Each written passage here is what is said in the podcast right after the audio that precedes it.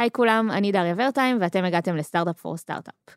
אנחנו בפרק נוסף של סדרת אלטרנטיב שלנו, אה, שזו סדרה שנולדה מתוך ההבנה שלכל חברה יש מסע ייחודי משלה, עם צמתים ובחירות שהופכות אותה למה שהיא.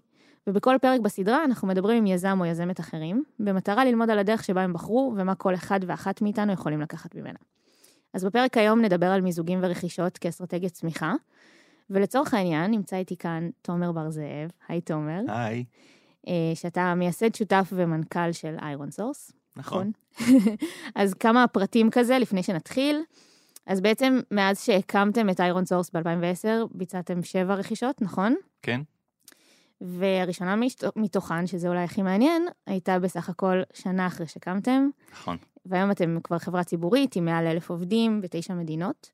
אה, אז היום בפרק אנחנו נעבור דרך המסע שלכם בעצם, ונבין איך ההחלטה להשתמש ברכישות ומיזוגים כצמיחה אה, אפשרה לכם להגיע לאיפה שאתם נמצאים היום, ולמה בכלל הגעתם להחלטה הזאת, אה, ואיך זה משפיע גם על התרבות והמבנה של החברה. יאללה, יהיה כיף. יאללה. Startup for startup for startup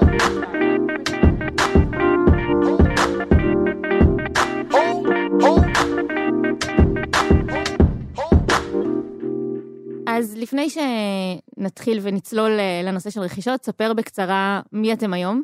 ironSource זה חברה שבעצם אה, בונה פלטפורמה למפתחי אפליקציות. אנחנו מאוד ידועים בפתרון שלנו למפתחי משחקים, אבל בעצם היא, היא פלטפורמה למפתחי אפליקציות, שמאפשרת ל, לאותם אנשים, לאותם אה, יצרני תוכן, נקרא להם, להתרכז ביצירת תוכן, יצירת אפליקציות מגניבות, ובעצם להסתמך עלינו, על ironSource כפלטפורמה עסקית, לקחת את התוכן הזה, להפוך אותו להיות עסק אה, משגשג וגדול וצומח. אה, אז בעצם אנחנו נותנים להם סט רחב של אה, פתרונות עסקיים שהם צריכים, למעשה תוכל לחשוב על זה כמו פתרון לכל דבר שהם צריכים חוץ מיצירת התוכן הראשוני. מעולה. אה, אחלה. אז אני רוצה לחזור אה, כזה עשר שנים אחורה, אולי 11 אפילו, נכון? לרכישה הראשונה שלכם. כן.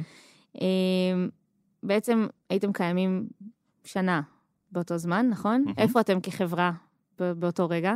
אז אה, באמת זו נקודה סופר מעניינת על ציר הזמן בחיים של, אה, של ironSource וגם שלי באופן אישי, כי ironSource התחילה מקבוצה אה, של ארבעה יזמים, שלושה אחים אגב, ואני. וואו. מאוד מאוד טכנולוגיים. כבר דינמיקה מעניינת אגב. כן, סופר, אבל בסוף זה צריך שיהיה מעניין. כן.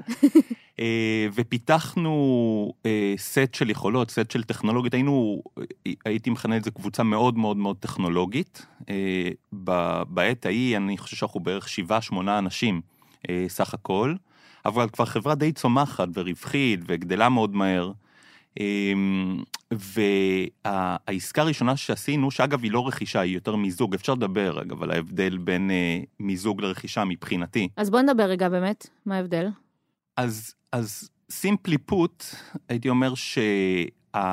אגב, אני, זה, זה הגדרה שלי, כן? זה לא איזה הגדרה משפטית או חשבונאית, כן. אבל הגדרה שלי להבדל בין מיזוג לרכישה, זה מיזוג הוא משהו אה, אה, ערכי. זאת אומרת, זה ממש תפיסת עולם, אה, שהמבחן ביום שאחרי אה, מיזוג, זה מיזוג משנה באופן מהותי את אה, מבנה החברה. Mm-hmm. משנה גם את ה-DNA במידה מסוימת, ומשנה את המבנה, זאת אומרת, ממש את המבנה, את chart. אה, החברה לפני ואחרי נראית אחרת לגמרי. רכישה יכולה להיות רכישה של אסט שהוא stand alone, אה, פשוט בבעלות אחרת. בסדר? אז ה-state of mind שניגשים לרכישה או ניגשים למיזוג, הוא שונה לגמרי. מיזוג זה ממש התחתנו ואנחנו רוצים לבנות חיים שותפים ביחד. אה, זה משהו יותר מהותי, יותר עמוק, לא קשור לגודל רגע של העסקה. כן, זה, אה, זה שתי חברות שהופכות להיות אחת בעצם. שבהגדרה המבנה הארגוני של הארגון יום אחרי משתנה. Mm-hmm. עכשיו, אז ניסינו להבין מה קורה, כי איירנסורס בהתחלה לא קמה כחברת B2B, היינו יותר חברת B2C, אם הייתי צריך לקטלג אותנו. אבל מה שלא ידענו אז זה שהפלטפורמה, הכלים שבנינו לצרכים הפנימיים שלנו, הם דווקא הפכו להיות הדבר המעניין, אה, ובאיזשהו שלב פשוט פתחנו את זה כפלטפורמה אה, התחלנו לשווק את זה ו- ולתת את זה כפתרון לממש מעגל של חברים, ש- שהם היו מפתחים כמונו וחשבנו שהם יוכלו... כזה לקוחות הכי ראשונים שהתחילו להתנסות במוצר ממש. הזה. ממש. ואחד הלקוחות האלה, זו הייתה חברה של חברים שלנו, אמ, ואני מאוד התרשמתי מהיכולת שלהם לצמוח כל כך מהר, למעשה בשלב הזה עם רק subset של הטכנולוגיה שלנו היה. כי בשלב הזה מה שנתנו היה חלק ממה, ש... ממה שהיה לנו, והם היו כל כך חזקים באופרציה, אה, בעצם בלנהל את החברה עם, עם פחות טכנולוגיה ממה שלנו היה.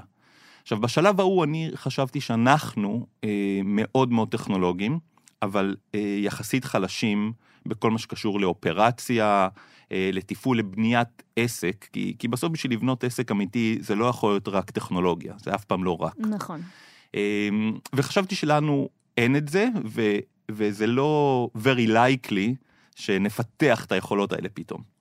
אז יכולנו לגייס אנשים ו- ולבנות את השריר הזה, אה, אבל גם יכולנו פשוט להתמזג, יכולנו פשוט להתחבר לקבוצה של אנשים שמאוד אהבנו, ומאוד הרשימה אותנו היכולת שלהם התפעולית, נקרא לזה. אה, וזה היה מבחינתי באמת 1 פלוס 1 שווה יותר משתיים.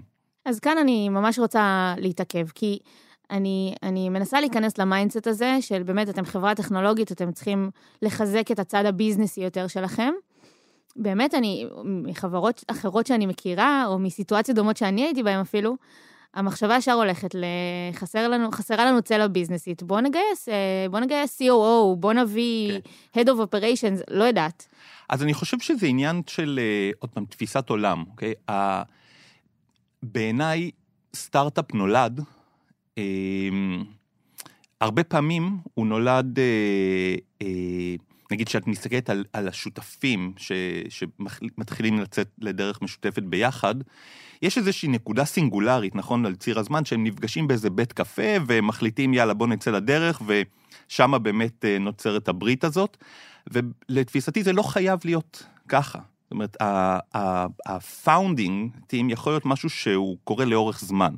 אומרת, כי אם אני חשבתי שבשלב הזה אנחנו מאוד חזקים טכנולוגית, אבל חלשים אה, עסקית או תפעולית, אז כן, אנחנו יכולים לגייס אנשים, או אנחנו יכולים גם לחפש שותפים. ה-state of mind שאתה הולך למיזוג, אתה מחפש שותפים, שאידיאלית אתה רוצה להכניס לתוך החדר אנשים שמביאים יכולות שלך אין, או שמשלימים את היכולות שלך. ואני בשלב הזה עוד הייתי ב-state of mind של לבנות קבוצת שותפים. אומנם היינו שנה על הכביש, אה, ארבעה חבר'ה, אבל לא היינו שלמים, mm-hmm. זה לא היה שלם. והיכולת to recognize, שאומנם יצאת לדרך ואתה סטארט-אפ ואפילו יש מספרים וזה כבר עושה כסף וזה מאוד צומח, אבל deep inside אתה יודע שזה עוד לא שלם. אז אני חיפשתי שותפים לדרך. לחפש שותף זה אחרת מלחפש איזשהו אקזקיוטיב. אתה רוצה מישהו שממש, אה, אתה רוצה להכניס פנימה קבוצת אנשים שלא רק תפתור משהו שאין לך, אלא אתה מחפש מישהו שממש ישפיע על הטראג'קטורי של החברה. ולפעמים, בטח שבשלבים מוקדמים, אה, זה יכול להיות שותפים, ממש שותפים, co-founders, גם אם הם יצטרפו שנה אחרי שאתה כבר התחלת משהו. זהו, זה, זה, אה, זו גישה מאוד מעניינת, כי אני חושבת גם שיש המון אגו לפעמים בעולם הזה, שאנשים, אתה יודע, אנחנו רואים גם דיונים בקהילה, בקבוצת פייסבוק שלנו, שחבר'ה אומרים, אני רץ כבר שנה וחצי על הסטארט-אפ שלי, עכשיו אני שוקל אה, לצרף עוד co-founder, כמה אחוזים אני אמור לתת לו, האם לצרף אותו כ-co-founder או בכלל כאקזקיוטיב. כאילו, יש המון דבר, אה, אגו שמוביל לפעמים את המקום הזה, ופה אתה אומר, שאתה מסתכל עמוק יותר, כאילו, אתה אומר, אולי חסר לנו אפילו איזה נדבך לתרבות של החברה שאנחנו צריכים אה, להוסיף מבחוץ, כאילו, זה לא, זה גם הפתרון הוא לא בהכרח רק בבן אדם אחד. כן, את יודעת, בשביל אה, באמת להצליח בסביבה כל כך קשה, הרי זה, זה דבר קשה להקים סטארט-אפ ואשכרה להצליח. אה, אתה צריך להיות מאוד אותנטי, וחלק מזה עובר דרך עצמך, להבין מי אתה, מה אתה, מה יש לך ומה אין לך. אה, עכשיו, לכולם יש אגו, אבל בשביל להצליח צריך למצוא, לא צריך לוותר עליו, לא, זה לא שצריך להעלים אותו, יש לו מקום וזה בסדר, כי אנחנו בני אדם, אבל אתה צריך לדעת להשתלט עליו. כי אה, אתה, אתה, אתה בצמתים האלה, אתה, אתה באמת רוצה להיות חכם אה, ולא צודק, ואם אתה יודע שמשהו חסר, ואתה יודע שאתה יכול למצוא איזה פתרון אופטימלי ואתה מתפשר על פתרון שהוא סאב אופטימל, mm-hmm. רק בגלל שיש לך אגו, אז לאורך זמן אתה צובר מספיק אה, נקודות כאלה, אתה, אתה תיכשל, או אתה לא תמצה את כל הפוטנציאל. אה, ואני חושב שאנחנו, הקבוצה היינו מאוד אותנטיים, וזה מה שהוביל את, ה, את ה-DNA הראשוני. כי היכולת לעשות אה, מיזוגים ורכישות, אבל בטח מיזוגים, היא יותר מכל דבר תלויה ב-DNA שיצרת. האם ה-DNA הזה מאפשר M&A's? כי זה דבר מורכב, ולחבר אנשים זה דבר מאוד מורכב. ואם אתה לא מגיע לשולחן אה, חשוף ואותנטי, ומבין מה יש לך ומה אין לך, אה, ואתה מנסה להשלים את זה דרך אה, אותן עסקאות, אז זה לא יעבוד.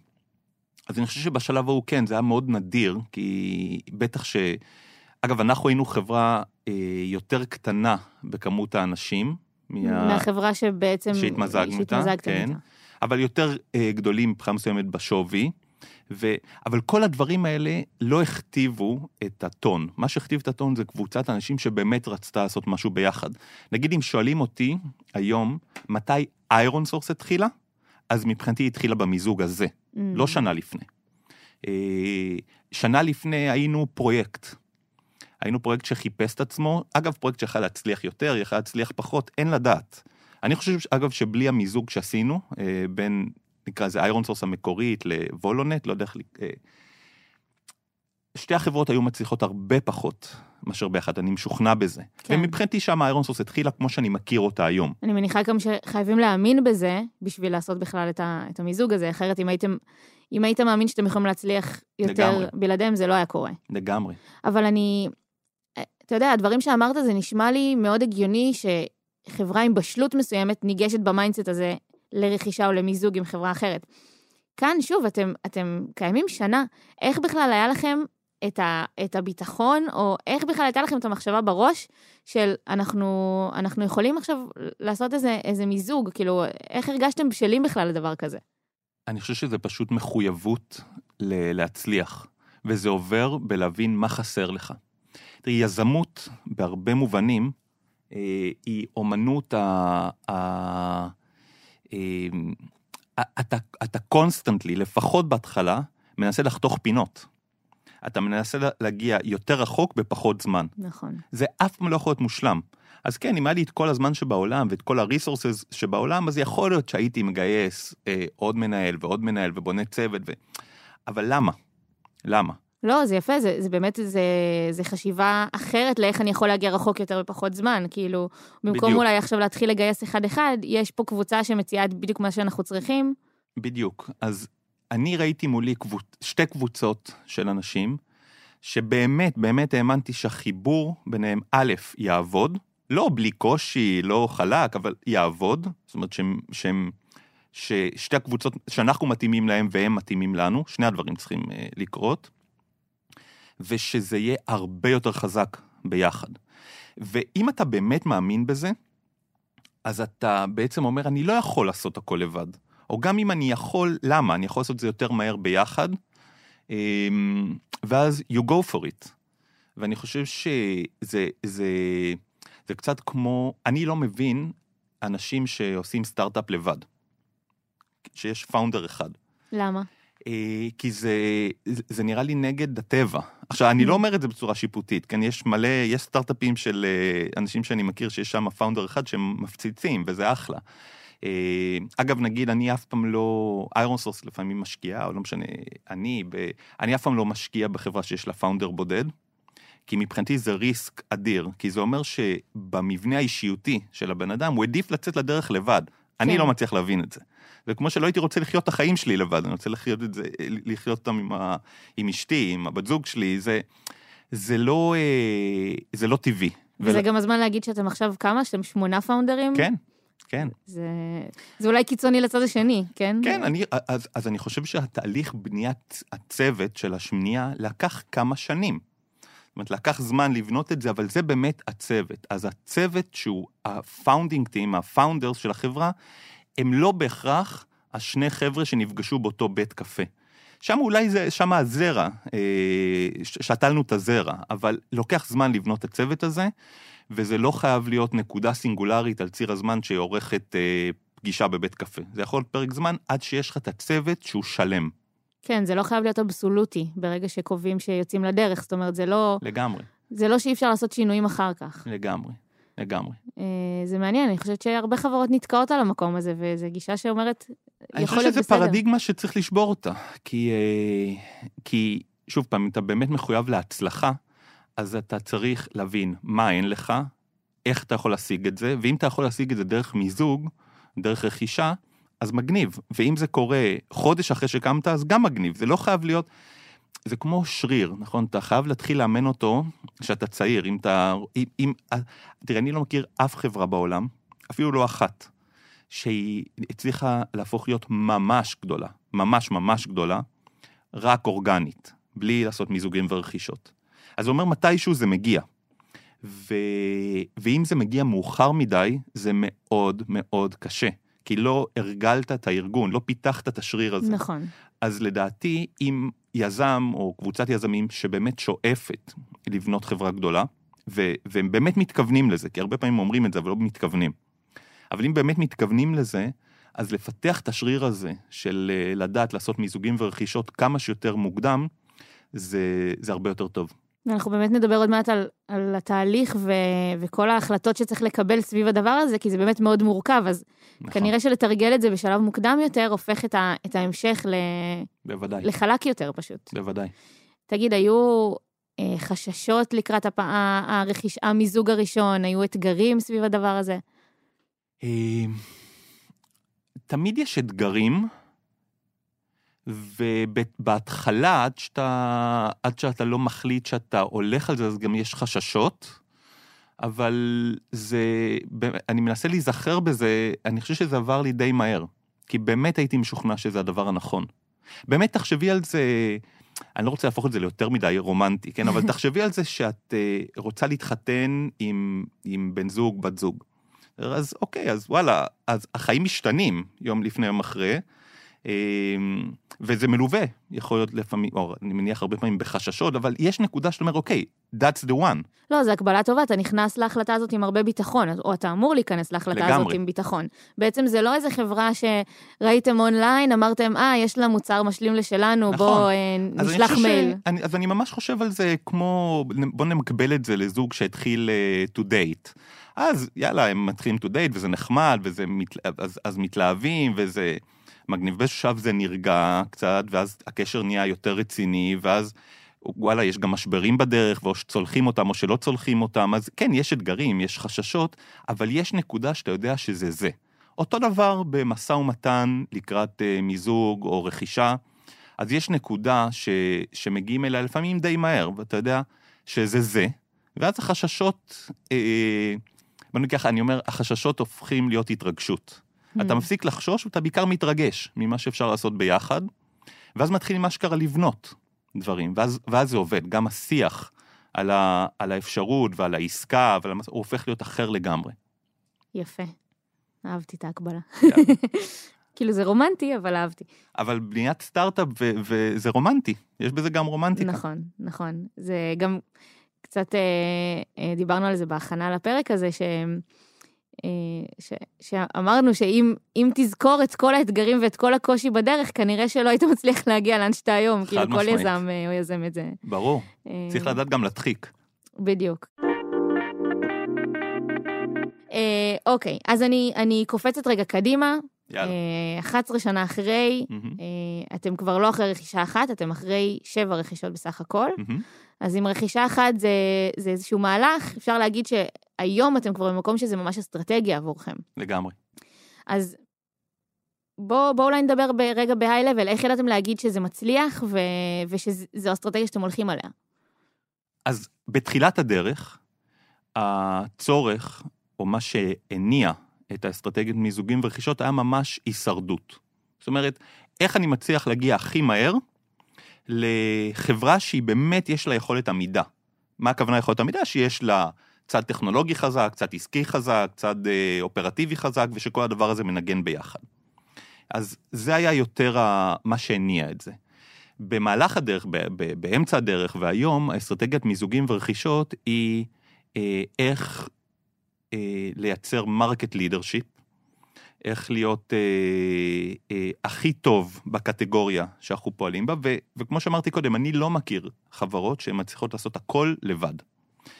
אז היום האסטרטגיה, בטח של, של איירון סורס, כיוון שאנחנו פלטפורמה, שאתה, שה, שהחברה שלך, שה business הוא פלטפורמה, יותר קל למזג לתוכו אה, חברות, אפשר, אפשר להרחיב על זה. כן, למה באמת? כי שאתה, בעצם שאתה, בוא נפשט את זה קצת, כן? אבל אנחנו פלטפורמה שמתחברים אליה לקוחות. המטרה שלנו היא כל הזמן להוסיף עוד ועוד ועוד שירותים לתוך הפלטפורמה, כדי שנוכל לתת עוד ועוד שירותים ללקוחות, ככה אנחנו עוזרים להם להיות, להפוך להיות עסק יותר אה, מצליח, יותר מרוויח, וכנגזרת מזה אנחנו מרוויחים. Mm-hmm. אז אנחנו כל הזמן מוסיפים עוד דברים. אז זה עוד מוצרים, בין אם פיתחנו אותם או קנינו אותם, עוד שירותים, בין אם פיתחנו אותם או קנינו אותם, אה, ועוד יכולות. אז זה במקום לעשות partnership לצורך העניין עם חברות שונות, עם כל מיני חברות שונות ולהגיד, אה, אנחנו חברה שיש לה הרבה הרבה שותפים, אתם בעצם קולטים את השותפים האלה פנימה ומציעים את זה כמשהו שהוא נכון. אחד עכשיו, בתוך הפלטפורמה שלכם. נכון. עכשיו בואי, בואי נעשה double click על זה, כן? מה, יש, שוב, אני מפשט את זה, כן? אבל יש שתי אה, מוטיבציות, שני וקטורים למיזוגים ורכישות. בחברה בגודל שלנו, או חברה שהיא פלטפורמה בגודל שלנו. אז אחד זה market consolidation, יש לך בעצם, אתה הופך להיות אה, או השחקן המוביל, או אחד מהשחקנים המובילים, ואתה שואף to consolidate, זאת אומרת, למזג או מתחרים, או חברות שמשלימות את השירותים שלך לתוך הפלטפורמה. כן. כדי להפוך להיות יותר גדול, יותר מסיבי, כי, כי בסוף כן יש משמעות לגודל ולכמה סובסטנטיבית הפלטפורמה נהיית. כן, גם אם אתה שואף להיות מוביל בשוק, אז אתה רוצה להיות חברה שיכולה להוביל בהמון תתי... אה, נכון. תתי תחומים בשוק שלך. בדיוק. ואז אז אחד זה market consolidation, זה, זה ברור, והשני, נקרא לזה market uh, diversification. Uh, שוב, אני לא מכיר אף חברה שהצליחה להיות חברה עצומה, או גדולה מאוד, שיש לה רק מוצר אחד. מוצר אחד לשוק אחד. אני, אני פשוט לא, לא מכיר כאלה. אה, החברות הכי מצליחות, הכי גדולות שאני מכיר, יש להן כמה מוצרים לכמה שווקים, עם איזושהי סינרגיה ביניהם. תן דוגמה לאיזה חברות יש לך בראש כשאתה... אה, תראי, למשל, אה, בוא ניקח שתי... נגיד, אמזון, בסדר, חברה מדהימה, התחילה מוואטאבר חנות ספרים, היום יש להם גם כן. את AWS או, או גוגל, התחילה מחברת סרצ' והיום יש לה מיליון דברים אחרים. אז בסוף זה, זה גם אתם שואפים להגיע ל, למשהו כזה, כן. בעצם. עכשיו, יש חברות שיש להן, שהן חברות אה, מוצר, נגיד, אה, אה, בדרך לפה נסעתי עם Waze, אה, אחלה חברה בזמנו, מכיר חלק מהיזמים, מוצר מדהים, כולנו משתמשים בו. אבל זה היה מוצר אחד לשוק אחד. עכשיו, יכול להיות שהם יכלו לפתח את זה לעוד מקומות, אבל כשאתה מוצר אחד לשוק אחד, בסוף, הרבה פעמים זה, אם יש לך מזל ואתה הופך להיות אה, אה, חברה עם מסה קריטית, הרבה פעמים זה נגמר במכירה. נכון. אה, כי אתה הופך, אתה הופך להיות סינרגטי אה, למישהו, ואז המישהו הזה צריך לקנות אותך, ואם הוא לא קונה אותך, אז הוא יכול לקנות את אחד המתחרים, ואתה יכול להיות out of business אה, בצורה כזאת. כן.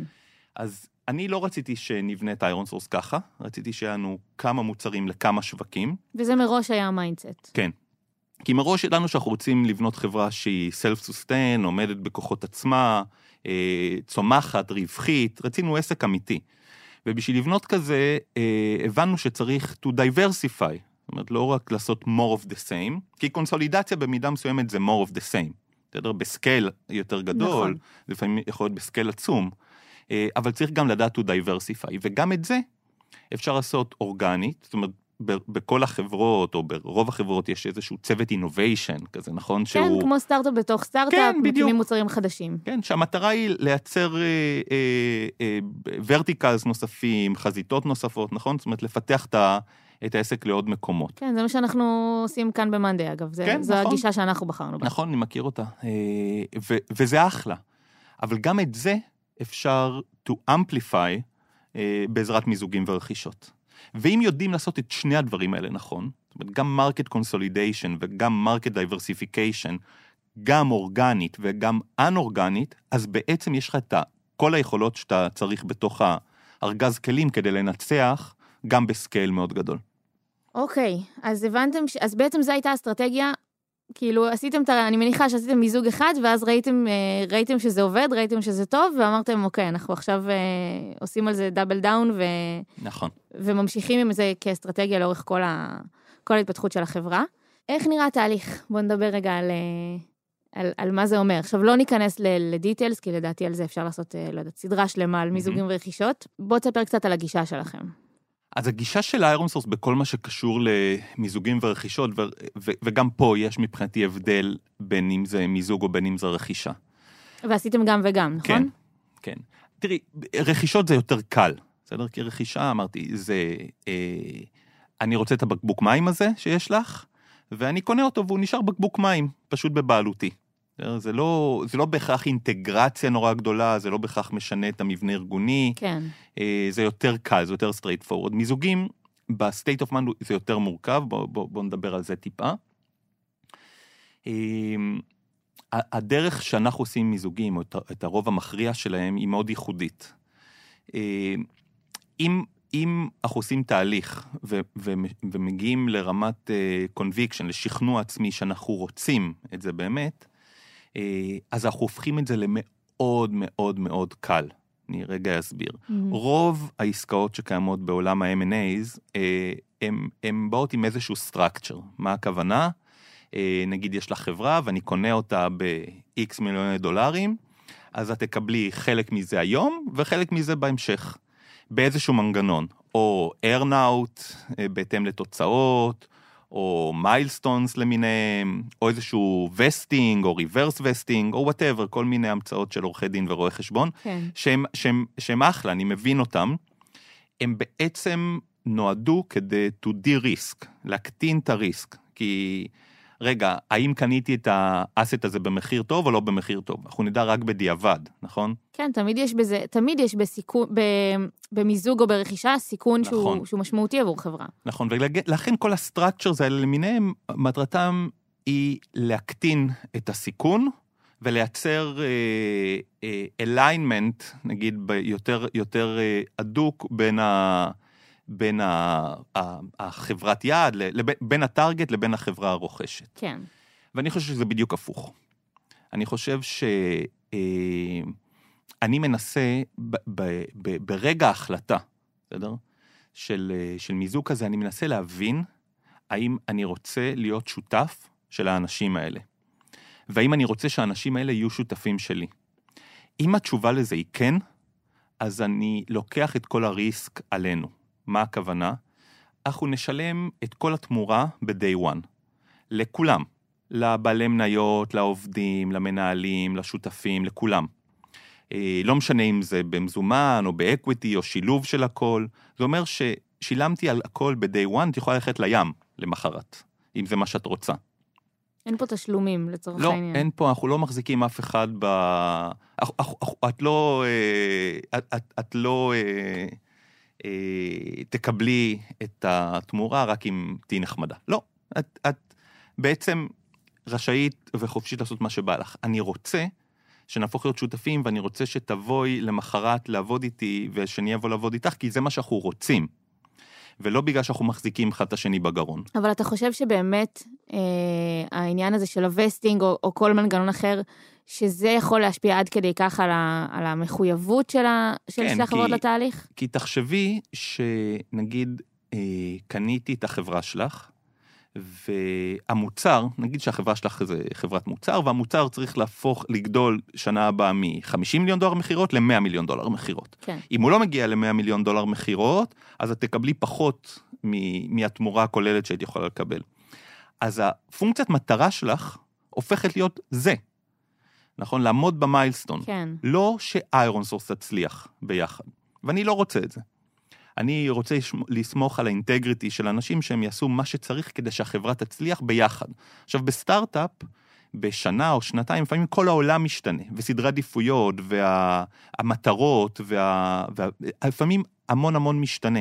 אז אני לא רוצה להגביל את עצמי, אה, או את עצמנו, אני לא רוצה לקעקע אה, פונקציית מטרה אחת שקבענו אותה בעסקה, שיכול להיות שהיא תשתנה. אני רוצה חופש מהדבר הזה. מה שזה אומר, זה אומר שאנחנו צריכים למצוא את ה targets שהם מאוד מאוד מתאימים ל-DNA שלנו. אה, כדי שזה, it will stick, כי אין משהו, אין משהו מלאכותי שגורם לנו להישאר ביחד, כמו אמרתי, כל ה structures האלה. כן, אתה בא ואומר, וה... we're in this together, נכון. כאילו... שזה אומר שה barrier, הרף לעסקה ב ironSource הוא מאוד גבוה. אנחנו צריכים להיות משוכנעים שזה מתאים. כי מבחינתי זה לא, הרבה פעמים מסתכלים על אה, עסקה, אם היא, אם היא אה, נכונה או לא, הגיונית או לא, דרך איזשהו אקסל, שבסוף יוצא איזה מספר שאתה יכול לעכל אותו. ויש סינרגיות ויש whatever, זה, זה, זה, זה, זה, זה, לפעמים זה חלק הכרחי ב, ב, בתהליך, אבל בסוף זה אנשים. כן. ואם האקסל נראה טוב, אבל הבטן אומרת, זה לא הולך לעבוד, אז לא. כי הבטן פה ממש חזקה. אה, בסוף זה צריך לעשות אה, שכל גם בראש, גם בבטן, גם בלב. אבל בסוף, אני מתחברת למה שאתה אומר, ואני אומרת, בסוף יש לכם משקיעים, יש לכם, החברה גדלה, אולי הסכומים של הרכישות יכולים לגדול, מן הסתם שהייתם חברה של, אה, חברה של שבעה עובדים, לא היו פה עשרות מיליונים בסיכון, היו פה סיכונים אחרים אולי. איך אתה מסביר את זה אה, לעצמך, למשקיעים, שאתה בא ואומר, אני מעכשיו שם את כל הכסף מההתחלה ו... בסוף החברה, הבורד, המשקיעים, ההנהלה, צריכים לסמוך על ה-judgment של, ה... ה leadership. וזה אומר, הלקיחת סיכונים אף פעם לא נגמרת. ובשם הפחדים שלנו, אה, להיות אה, שבויים של הפחדים האלה לא יובילו לשום מקום טוב. זה לא עניין של scale, זה לא עניין שיותר קל לקחת אה, הימורים שאתה חברה קטנה ויותר קשה שאתה חברה גדולה. אגב, אני אטען בדיוק הפוך. הממ. שאתה חברה קטנה הרבה יותר קשה לקחת הימורים וזה הופך להיות יותר קל שאתה חברה יותר גדולה. אבל לא להיכנע לפחדים האלה, כי הם, הם טעות. אז כולם צריכים בסוף להתיישר עם ה-conviction של ההנהלה ולתת להם אה, לעשות את הדבר הנכון, כי זה גם אחריות שלהם. וזה לא אומר שלא יהיו טעויות, זה לא אומר שזה בולט פרוף, אבל בש, לפעמים טועים ומתקנים. אגב, לפעמים טועים ואי אפשר לתקן, אבל זה חלק מהחיים.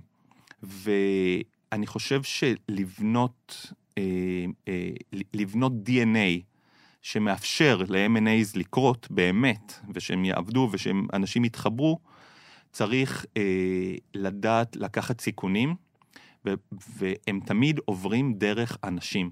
או שאתה סומך עליהם, או שאתה לא סומך עליהם. אל תכניס אותם לכלוב. מישהו שאתה מכניס אותו לכלוב, גם אם הוא לא מרגיש את זה, הוא, הוא, ה-inner self שלו רוצה לברוח משם. את רוצה להיכנס לכלוב, לחיות בתוך כלוב? לא. ממש לא. גם אם הוא מזהב, בסדר? באיזשהו שלב את לא רואה את הזהב, את רק רואה את הכלוב. אז אני לא רוצה את זה. אני לא רוצה את זה. אמרת שאתה, שאתה משקיע זמן בלהבין אם זה, אם אלה אנשים שאתה רוצה, שאתה רוצה ללכת איתם הלאה או לא. Mm-hmm. איך אתה יודע? איך אתה יודע שזה בן אדם שאתה אומר, אוקיי, אני עכשיו, אני all in עם, ה, עם הדבר הזה? אתה מבלה עם אותו בן אדם הרבה זמן, בהרבה סיטואציות. גם עסקיות, שאתה מדבר על החברה ועל ה vision המשותף, וגם חברתיות. אתה סתם יוצא לבירה או עושה טיול בשדרה. כמו שאומרים ל co-founder ים, אה, תבלו ביחד, תבינו אם זה, כן. אם זה הדבר הנכון. כן. אז... יש, את יודעת, יש הרבה חברות, נכון, שהתחילו מרעיון אחד, וסיימו ברעיון אחר לגמרי. כן. קורה הרבה, שיהיו פיבוט. לגמרי. זה חלק מהחיים. הדבר היחידי, או אולי אה, בין היחידים, שאתה לא רוצה לטעות בו, זה בחירת השותפים. כי זה באמת דסטרוקטיבי. אם בחרת שותף לא נכון, כמו בחיים, נכון? אם בחרת שותף לחיים לא נכון, אז זה לא יעבוד, מתישהו זה ייגמר. לגמרי. אז זה הדבר העיקרי ש- you want to get it right. ואז אני מבלה הרבה זמן עם האנשים האלה, ובסוף אתה מגיע לתחושה מאוד חזקה. באמת, עוד פעם, לא רוצה להפוך את זה ל... ואנשים פה יוציאו טישו, הם יתחילו לנגב. אבל אתה צריך להרגיש שאתה אוהב את הבן אדם שמולך, ממש אוהב. כי, כי אתה, אתה רוצה לקום למחרת בבוקר ולהיות בן אדם יותר טוב גם בשבילו. וזה מדבק. אם אתה הופך להיות כזה, גם הוא הופך להיות כזה, ואז נוצר הקסם הזה שהרבה פעמים מייצר אה, חברות שיודעות לעשות את הבלתי אפשרי. אה, אז ה process הוא, כן, בודקים, עושים due diligence, עוברים אה, תהליכים שבודקים את המוצר, בודקים את המספרים, בודקים בודקים, בודקים, בודקים. כן, אתה לא נותן לעצמך ללכת רק לפי האינטואיציה, נכון, צריך להגיד את זה. אבל אינטואיציה זה דבר חשוב. כן. אם העסקה היא רק make sense בראש, אל תעשה אותה. יש הרבה עסקאות שה ironSource ויתרה עליה, עליהם, כי הם רק עשו, אה, הם רק עשו שכל באיזשהו אקסל spreadsheet. אנחנו לא עושים את זה, זה לא עובד. כן, בסוף גם אינטואיציה זה כן... אה, בסוף אי אפשר לנתק את זה מ... מ... אינטואיציה בסוף מבוססת גם על עובדות. עכשיו, העובדות האלה יכולות להיות לא מעוגנות במספרים, אלא מעוגנות ב... ביחסים בין אישיים ברור. ובתקשורת ביניכם, אבל זה גם משהו שמשפיע מאוד. לגמרי. אה, כמה זמן אתה משקיע בתהליך כזה? כמה החברה? שיותר, באמת, כמה שיותר. זה... א', אני אוהב את זה. אנשים זה דבר שמעניין אותי. אני אוהב uh, לפגוש אנשים חדשים ו... ולהכיר אותם ושהם יכירו אותי. אז אני משקיע כמה שיותר, באמת, כמה שיותר, כי uh, המטרה שלי היא להקטין את ההפתעות ההדדיות. אני לא רוצה להפתיע אף אחד ואני לא רוצה שאף אחד יפתיע אותי, uh, וזה דורש זמן, וזה דורש היכרות. אם אתה מבלה מספיק זמן עם מישהו, אז uh, you cannot fake it. אתה בסוף הופך להיות עצמך, והוא הופך להיות עצמו, ו- ו- ואז התהליך באמת קורה. אז כמה שיותר זמן, יותר טוב, וזה גם כיף. אז מה זה, כמה זמן לוקח אה, בס... בממוצע, נגיד, תהליך של רכישה או מיזוג של חברה? מיזוג לוקח הרבה זמן, אה, זה, זה יכול להתבשל על פני כמה חודשים רבים, לפעמים זה יכול להיות גם שנה. מהמם. אה, ברוב העסקאות הגדולות, המיזוגים הגדולים שעשינו, זה גופים שהכרנו ממש טוב. אנחנו מאוד אוהבים אה, להכיר אותם, זאת אומרת, זה גופים שעבדנו איתם, הם היו לקוחות, הם היו שותפים, הם היו שם, כן. באקו-סיסטם שלנו, אז הכרנו אותם אה, ב- בהרבה אופנים, לאורך הרבה זמן. ואז אתה רואה אם אתה, אם אתה מפתח את האינטואיציה שזה יכול לעבוד ביחד. אה, זה נדיר שזה משהו שמתחיל ב... בוא נפתח את הבראוזר, נתחיל לחפש חברות שנראות לנו יכולות להשלים את הסיפור. לא, אנחנו רוצים להכיר אותם, אז זה יכול לקחת הרבה מאוד זמן. יש עכשיו, אה, כשאתה מסתכל אחורה על כל, ה, אה, על כל הרכישות והתהליכים שעשיתם, יש איזה עקרונות שמובילים אתכם בכל תהליך כזה, או קריטריונים שאתם מסתכלים אה, לשותפים בדרך? כן, אז אני אומר, זה, זה, אה, זה העיקרון, ה, ה, ה, הדבר העיקרי זה שאנחנו צריכים להבין איך זה משנה את המבנה הארגוני של החברה, ולהרגיש שאנחנו שלמים עם זה. כי זה הסיכון האמיתי. כי הרבה פעמים אנחנו קונים, היו מקרים שקנינו או מיזגנו חברה, שלצורך העניין הייתה יותר קטנה מאיתנו, אז, אז היזמים, המנכ"ל, של, הם היו יותר קטנים מאיתנו, ו, ומיזגנו אותם לתוך אחת הפעילויות של ironSource, והם קיבלו את המפתח. זאת אומרת, הם מנהלים את העסק הכולל, בסדר? ואז אתה צריך להרגיש מאוד נוח איתם, עם המבנה הארגוני ועם הידיעה שזה הולך לעבוד. אה, זה, זה הדבר העיקרי. ברגע שזה מגיע, אז כל השאר זה דיטלס, אז, אה, שאגב הם מאוד חשובים ויש שם מלא מקום לטעויות, אבל אה, כל השאר זה דיטלס, ש, שאפשר to line them up ולהתחיל להחליט החלטות אחד אחרי השנייה. בדיוק שמעתי איזה, איזה הרצאה שמתחברת לי למה שאמרת. אה, עשו שם הקבלה של חברה ל- לכדורגל. ואומרים, אם תשאל את ה... אה, את הדיפנס, מה, מה התפקיד שלהם בקבוצה, אז הם יגידו אה, להגן מ- מזה ש, שיהיו גולים. סליחה, אני לא. חזקה בכדורגל, אז אני לא אגיד את זה בצורה חלקה. אוקיי. ואם תשאל את ההתקפה, אז המטרה שלהם זה להכניס כמה שיותר גולים. אבל אז יכול להיות תוצאה של משחק שהקבוצה הפסידה, ומבחינת ההגנה, הם, נכון. הם הצליחו, נכון. כי הם הגנו על, כאילו, הם עדיין, אה, הם הגנו על גולים, כאילו, כן. הם לא זה. קיצור, מה שאני מנסה להגיד בהסבר הלא קוהרנטי שלי, זה שאם המטרה, אם כולם יהיו aligned על לעזור לקבוצה לנצח. ולא למטרות הספציפיות שלהם, נכון. אז רק באמת הקבוצה תוכל לנצח. נכון, זה, זה, זה מאוד מאוד נכון, אני, גם, אני חושב שגם אני פעם שמעתי את ההרצאה הזאת, אה, כי התפקיד של קבוצה הוא, הוא לא אוסף התפקידים של הבדידים בקבוצה. כי באנלוגיה שלך, התפקיד של ההגנה הוא להגן, והתפקיד של ההתקפה הוא, הוא לתקוף, אבל התפקיד של הקבוצה הוא לנצח. בדיוק. יכול להיות שההגנה תהיה יותר חלשה באותו יום, וזה יהיה בסדר, כי התקפה תהיה יותר חזקה, ויכול להיות שהפוך, יכול להיות... הקונפיגורציות להצלחה יכולות להשתנות ממשחק למשחק. אבל אם אתה מחויב להצליח, אז זה מה שמכתיב את ה... זה פונקציית המטרה העיקרית, וככה נראית קבוצה או חברה ש... ש... שמצליחה. זה צריך לעבוד כקבוצה. זה, זה כמו אה, הרבה פעמים לגייס, נגיד, עובד חדש לצוות. אז בדרך כלל המנהלים או ה-HR יחפשו את המועמד הכי טוב. זה שעבר את המבחנים בציון הכי גבוה, זה שוואטאבר, היה, יש לו על החגורה מלא איקסים, או היה, היה בתלפיות וב-8200 וטייס והכל ביחד. כן. ויכול להיות שבאמת הוא, אה, הוא, הוא, הוא גאון, אבל יכול להיות שהוא נורא דסטרוקטיבי לצוות. כי בסוף זה צוות, אתה מנצח עם צוות, לא עם אוסף של בדידים בצוות. ולפעמים הבן אדם, הגיוס הכי טוב הוא השני הכי טוב. כי הוא גורם לצוות להיות יותר טוב, גם אם הוא, ה-IQ שלו יותר נמוך, cares. אה, ולכן אתה צריך לבנות קבוצה ולא אוסף של בדידים. לגמרי, ואולי באמת נדבר רגע על איך, איך זה משפיע על הדינמיקה של ה... או על התרבות של החברה כשמביאים אה, שחקנים כאלה מבחוץ. אה, מה זה עושה לתרבות של החברה? היא נשארת אותו דבר? אז אם, אם בנית את התהליך נכון, ולא טעית ב, ב, בנרטיב, בתזה שלך לחיבור, אז, אה, אז זה עובד. כי, כי חיפשת אנשים, או חיפשת חבר, חברות, או שמתאימות, או שיחסית מתאימות ל-DNA שלך.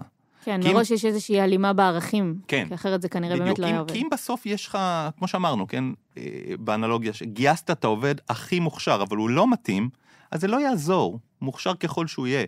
אף בן אדם בדיד לא יכול להיות יותר חכם מכל הקבוצה, בסדר? אה, אבל אם הבאת קבוצה של אנשים שמתאימה ל-DNA, אז זה מתחבר. זה פשוט מתחבר. Mm. זה לא אומר שאין חששות, זה לא אומר שזה עובד חלק, בואו לא נצייר אידילי, כאילו, יש קשיים, אבל זה עובד. ו... וזה בעיקר, הדרך שזה יעבוד זה to let it go. כלומר... מה הכוונה?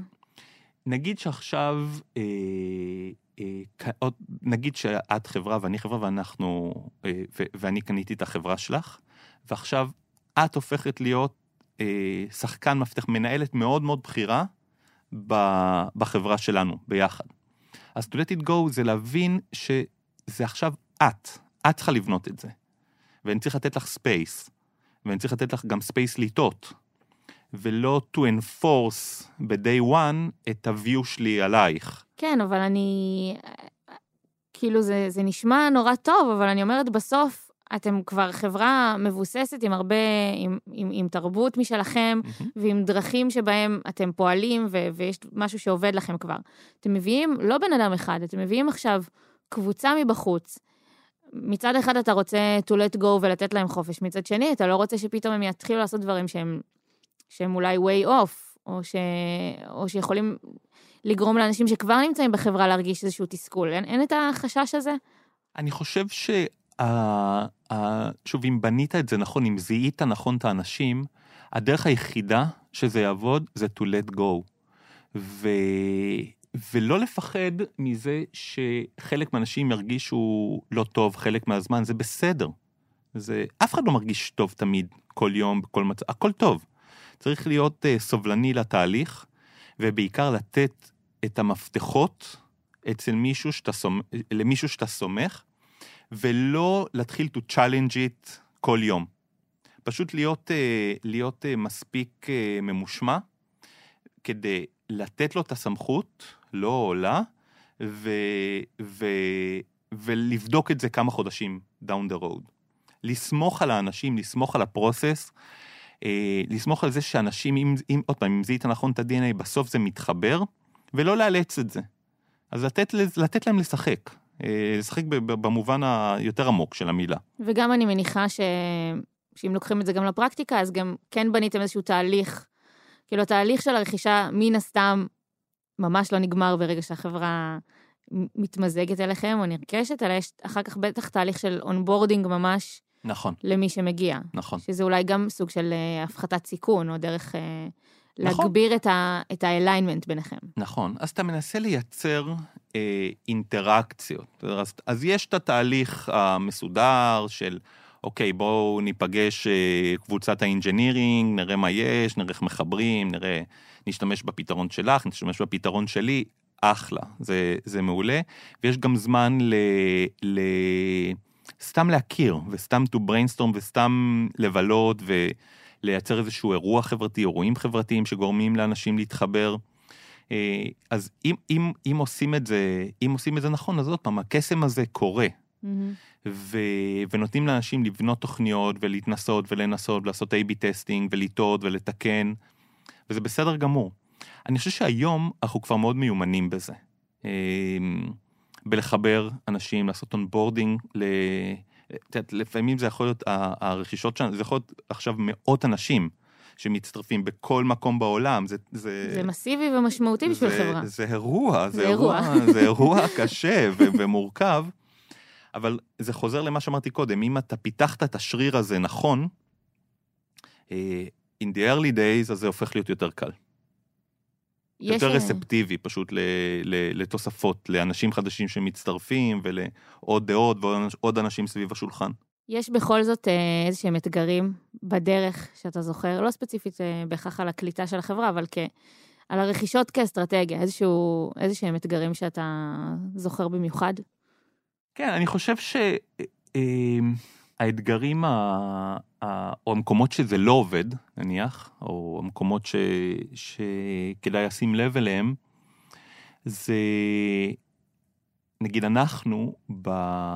כשאנחנו עושים אה, מיזוגים, רכישות, אנחנו מנסים לא אה, to optimize too early. בסדר? שזה אומר בכל, בכל דבר, ב-HR, בטכנולוגיה, במוצר, זאת אומרת, זה בסדר שיהיה לנו דברים כפולים. מה הכוונה? נגיד שעכשיו יש לך, אה, נגיד שלך יש מוצר ולי יש מוצר, שהם מתחרים, קנינו מתחרה, כן. בסדר?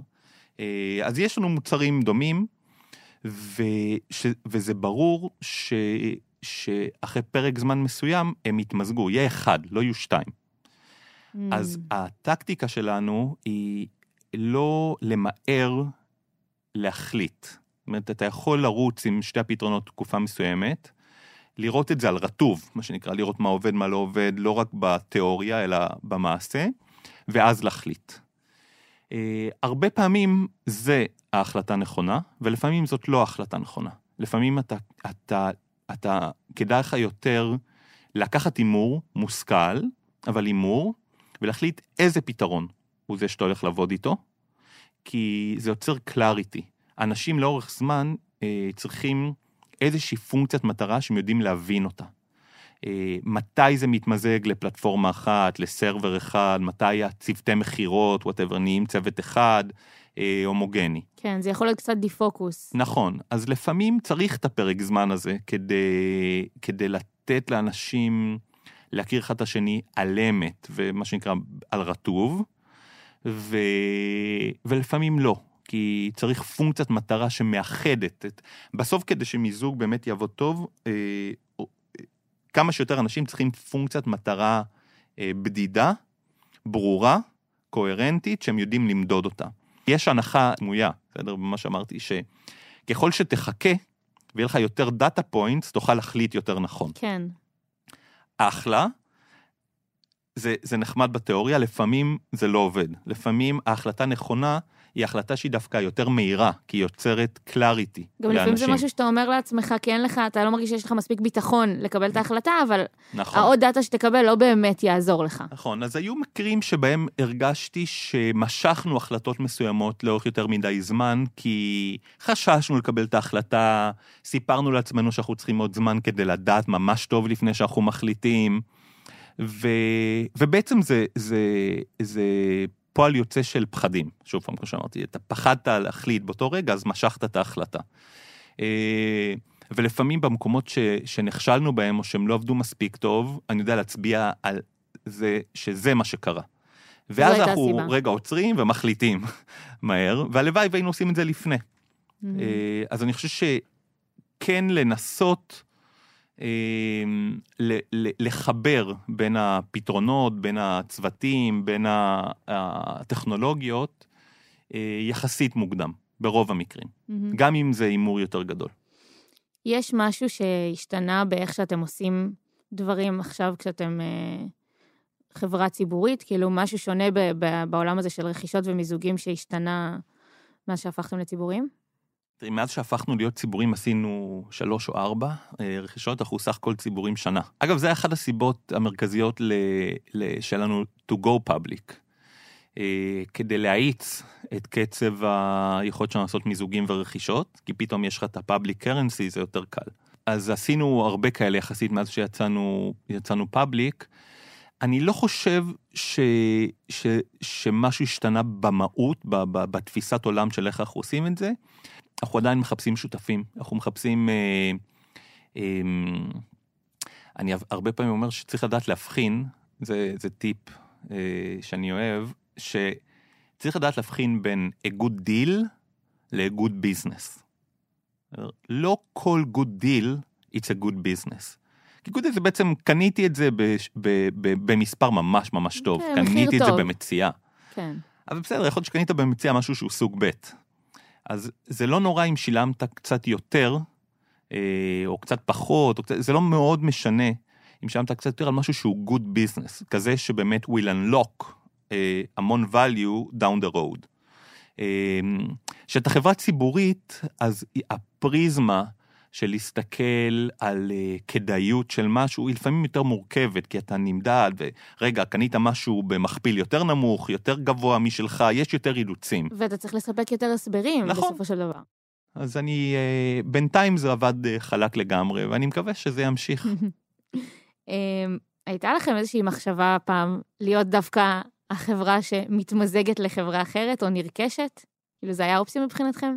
היו הרבה מאוד מקרים ש...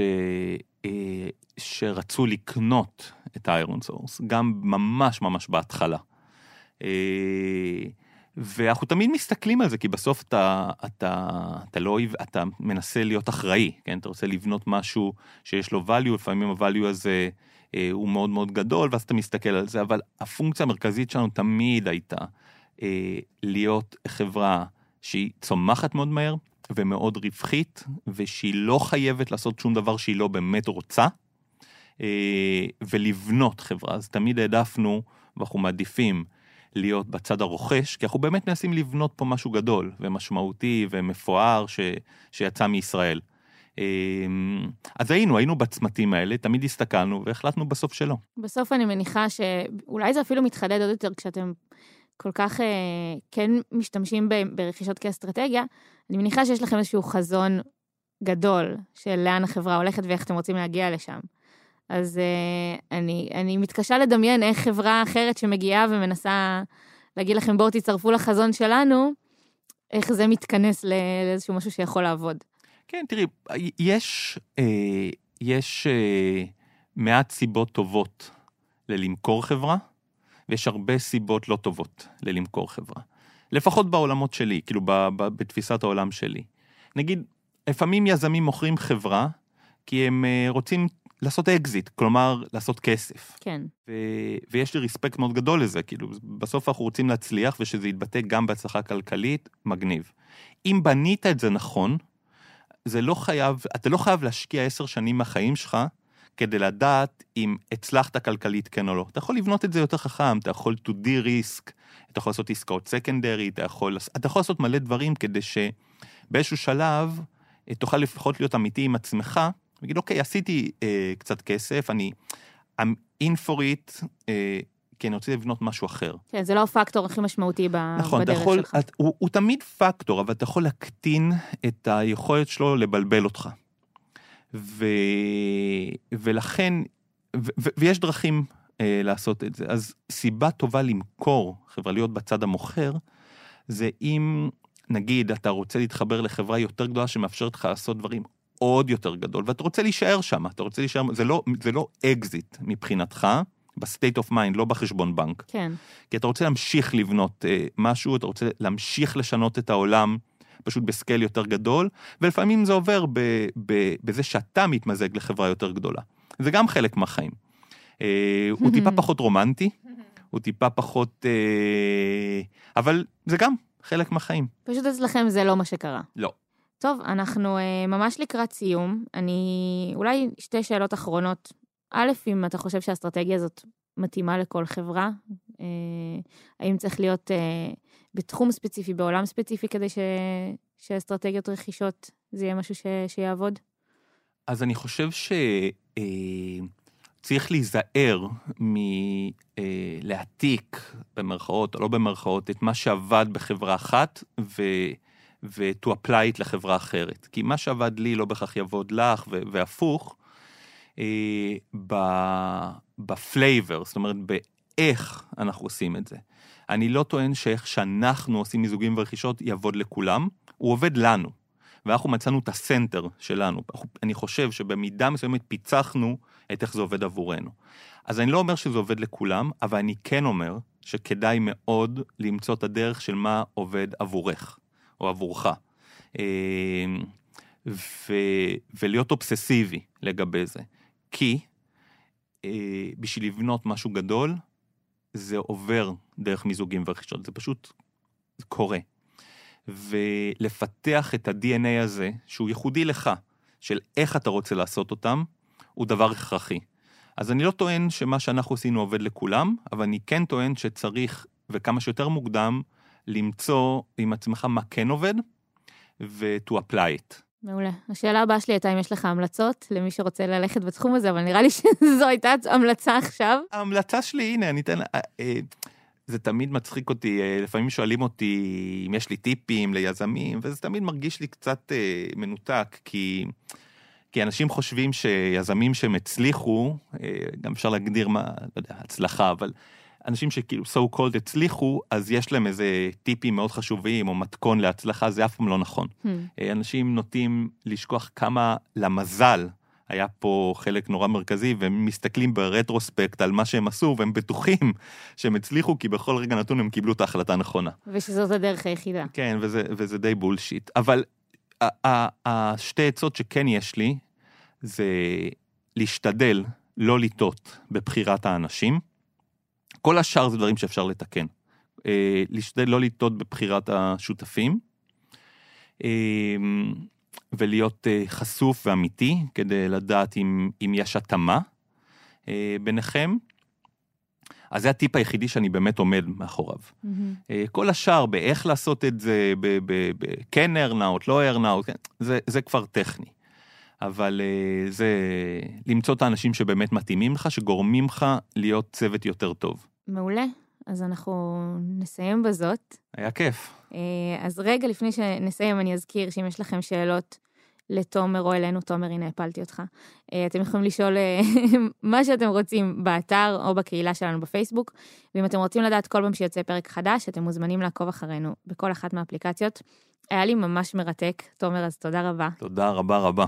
ותודה לכם שהאזנתם. Startup for startup for startup. Oh.